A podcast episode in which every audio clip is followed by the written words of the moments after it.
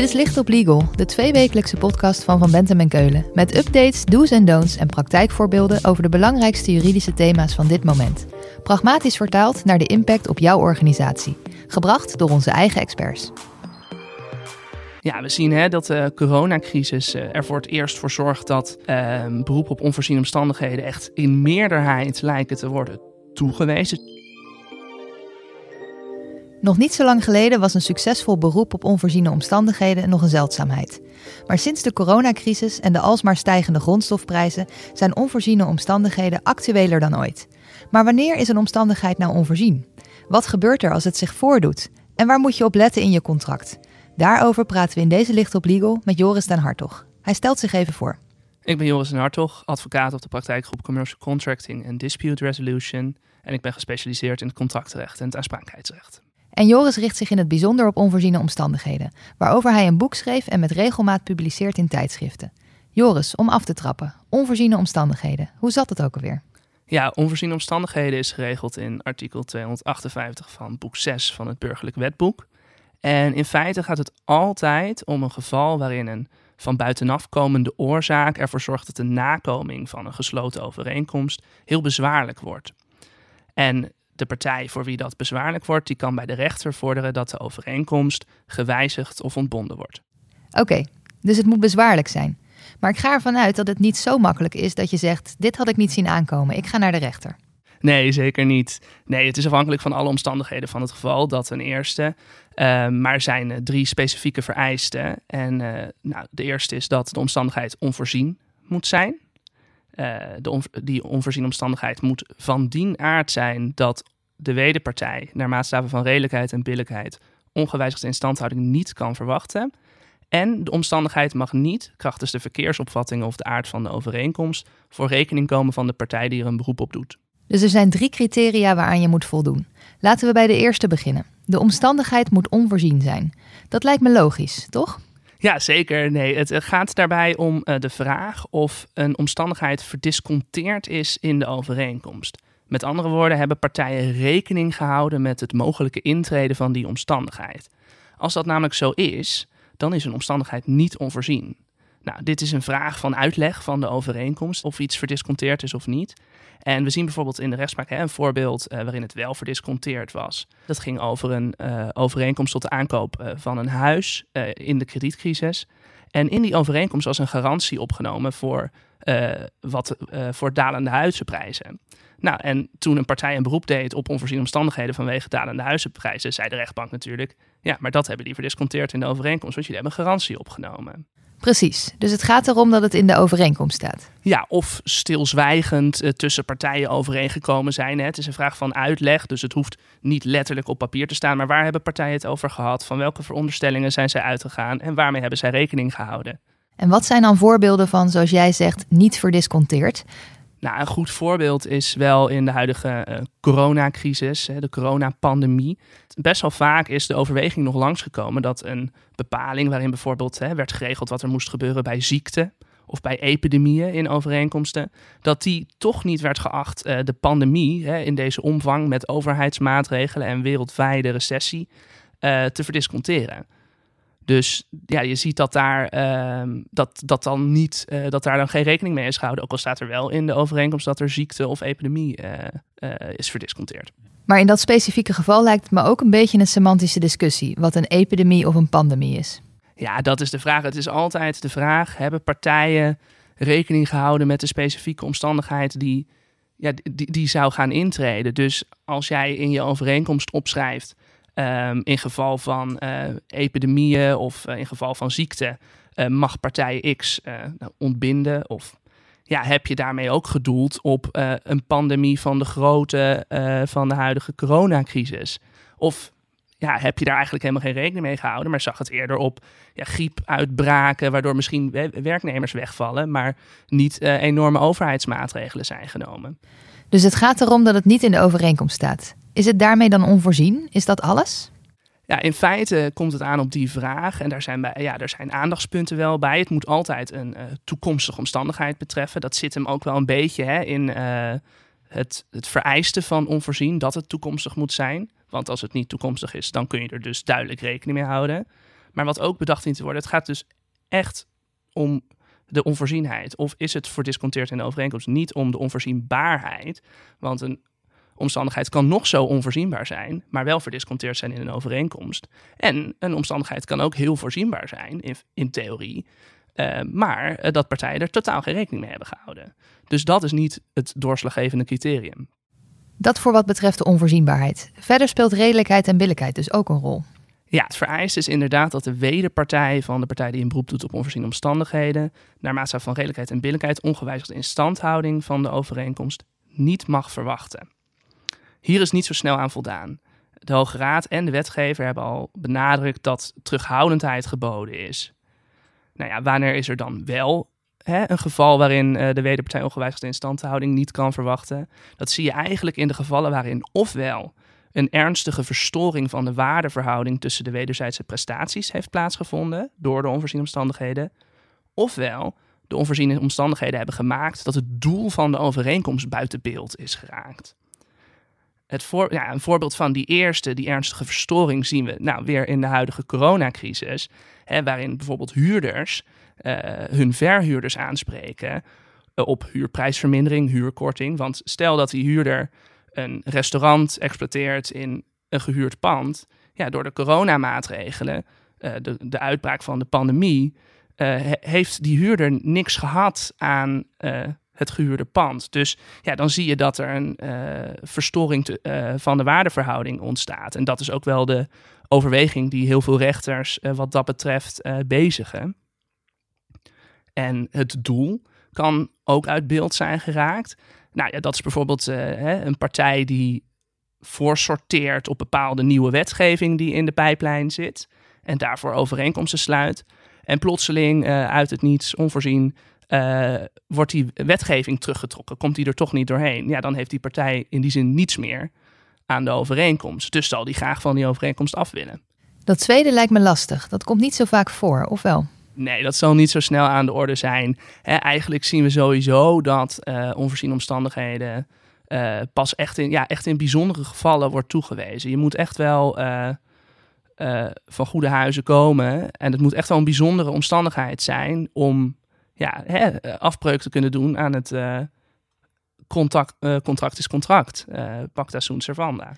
Ja, precies. Het moet niet zo kunnen zijn dat als iets even niet loopt zoals je gehoopt had, dat je dan kunt zeggen: hier had ik geen rekening mee gehouden. We laten de deal niet doorgaan. En als laatste had je het over een beperking door in het verkeer geldende opvattingen. Kan je dat toelichten? Ja, zeker. Ja, dat is eigenlijk een uitwerking van dat vorige vereiste. En het gaat erom hè, dat een partij uh, soms hè, op grond van de aard van de overeenkomst of de, of de verkeersopvattingen, ja, gewoon rekening moet houden met het intreden van bepaalde omstandigheden. Heel vaak wordt dat het ondernemersrisico van die partij genoemd. Uh, wat je bijvoorbeeld zag uh, ten tijde van de kredietcrisis, toen de huizenprijzen heel erg daalden, dat best wel wat vastgoedondernemers een beroep deden op onvoorziene omstandigheden. En zeiden, ja, die kredietcrisis, die konden wij niet voorzien. we willen wijziging of ontbinding van de overeenkomst.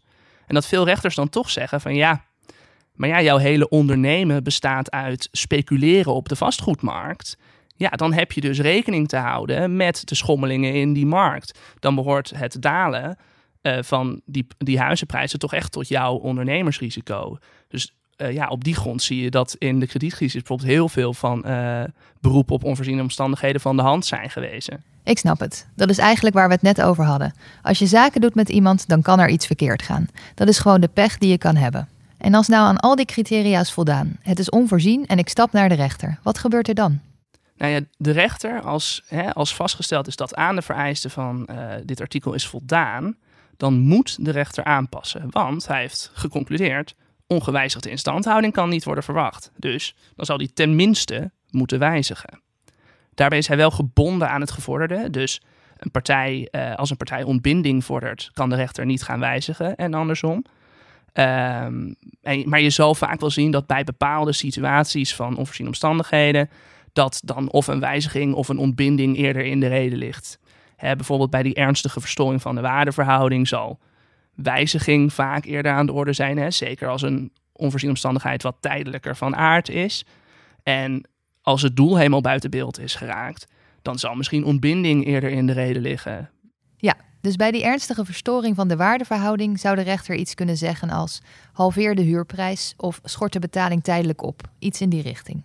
Ja, exact. En je ziet ook dat dat precies uh, is wat er gebeurd is uh, in de coronacrisis. Uh, dat toch heel vaak die huur is verminderd. Inderdaad, voor bijvoorbeeld bepaalde maanden of een opschorting van de betaling van de huur. Je ziet dat wijziging bij de coronacrisis, die nou ja, in beginsel tijdelijk is, dat dat dan eerder in de reden ligt voor de rechter hey, en als ik nou een contract aan het uitonderhandelen ben en ik wil voorkomen dat iemand een beroep kan doen op onvoorziene omstandigheden, kan je je daar dan een beetje tegen weren?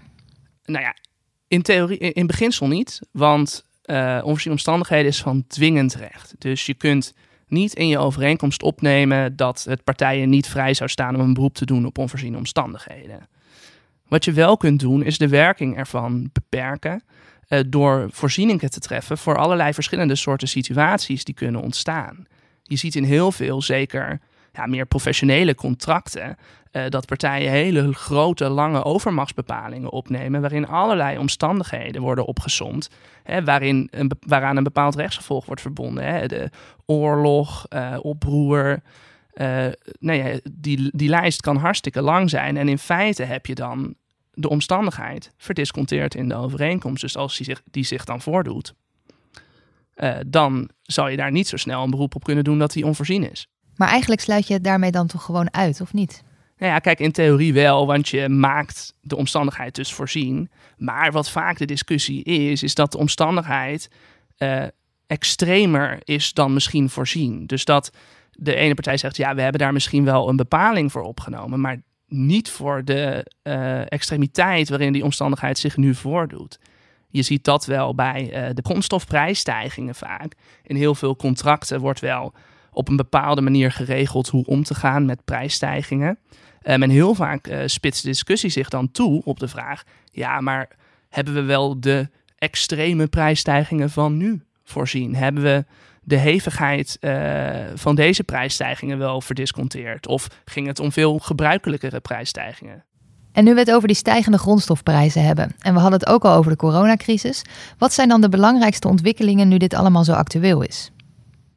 Ja, we zien hè, dat de coronacrisis uh, er voor het eerst voor zorgt dat uh, beroep op onvoorziene omstandigheden echt in meerderheid lijken te worden toegewezen. Zeker hè, bij, bij huurders.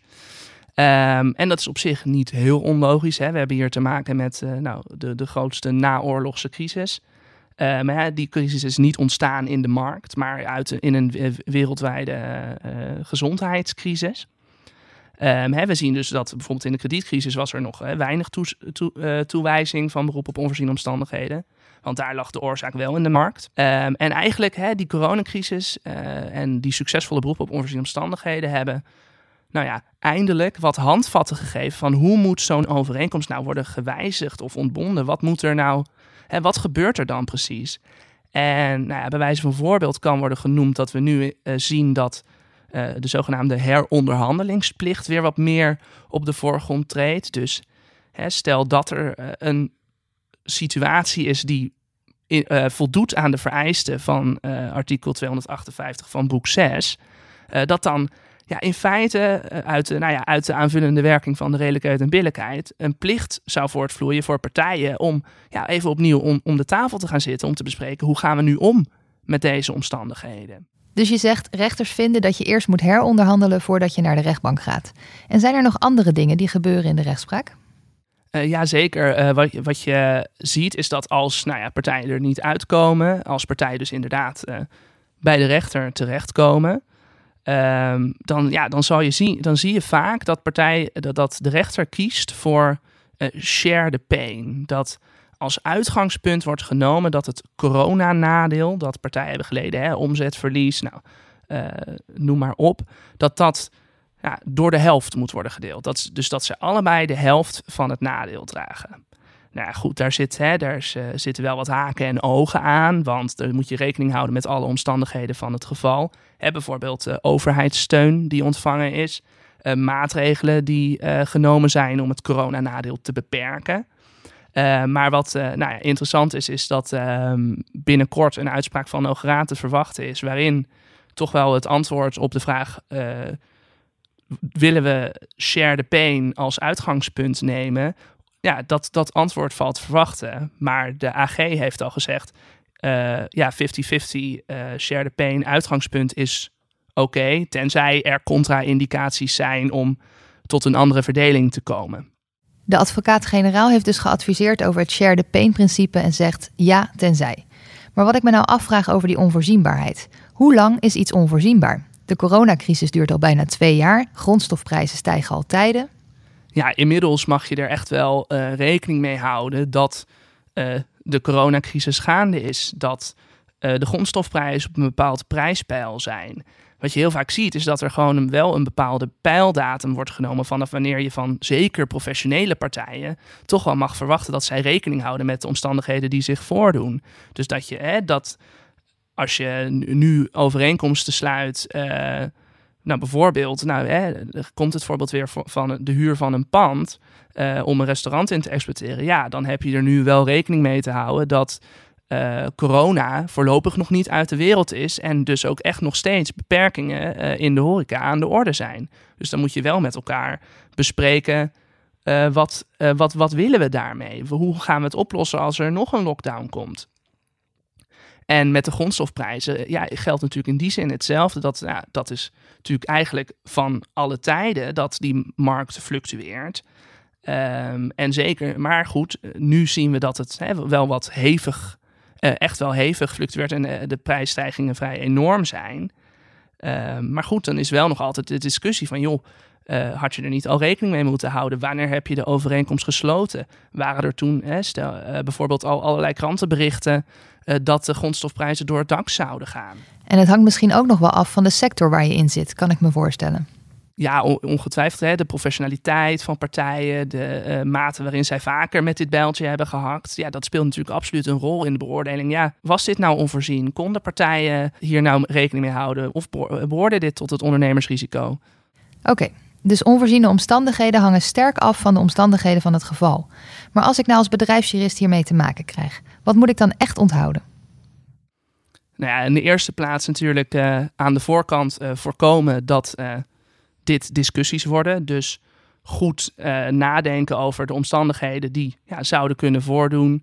Um, bespreek met je wederpartij bij het sluiten van de overeenkomst.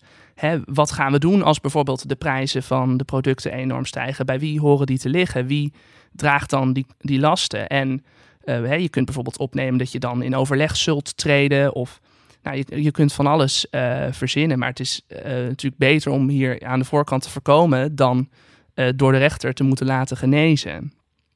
En ja, als je dan toch eenmaal voor de rechter komt, dan is ook wel belangrijk om te onthouden dat uiteindelijk het uitgangspunt zal nog altijd zijn dat een contract is een contract. En dat een succesvol beroep op onvoorziene omstandigheden dus ja, niet, snel aan, niet heel snel aan de orde zal zijn, maar dat er best wel stelplicht en bewijslast op de eisende partij zal rusten.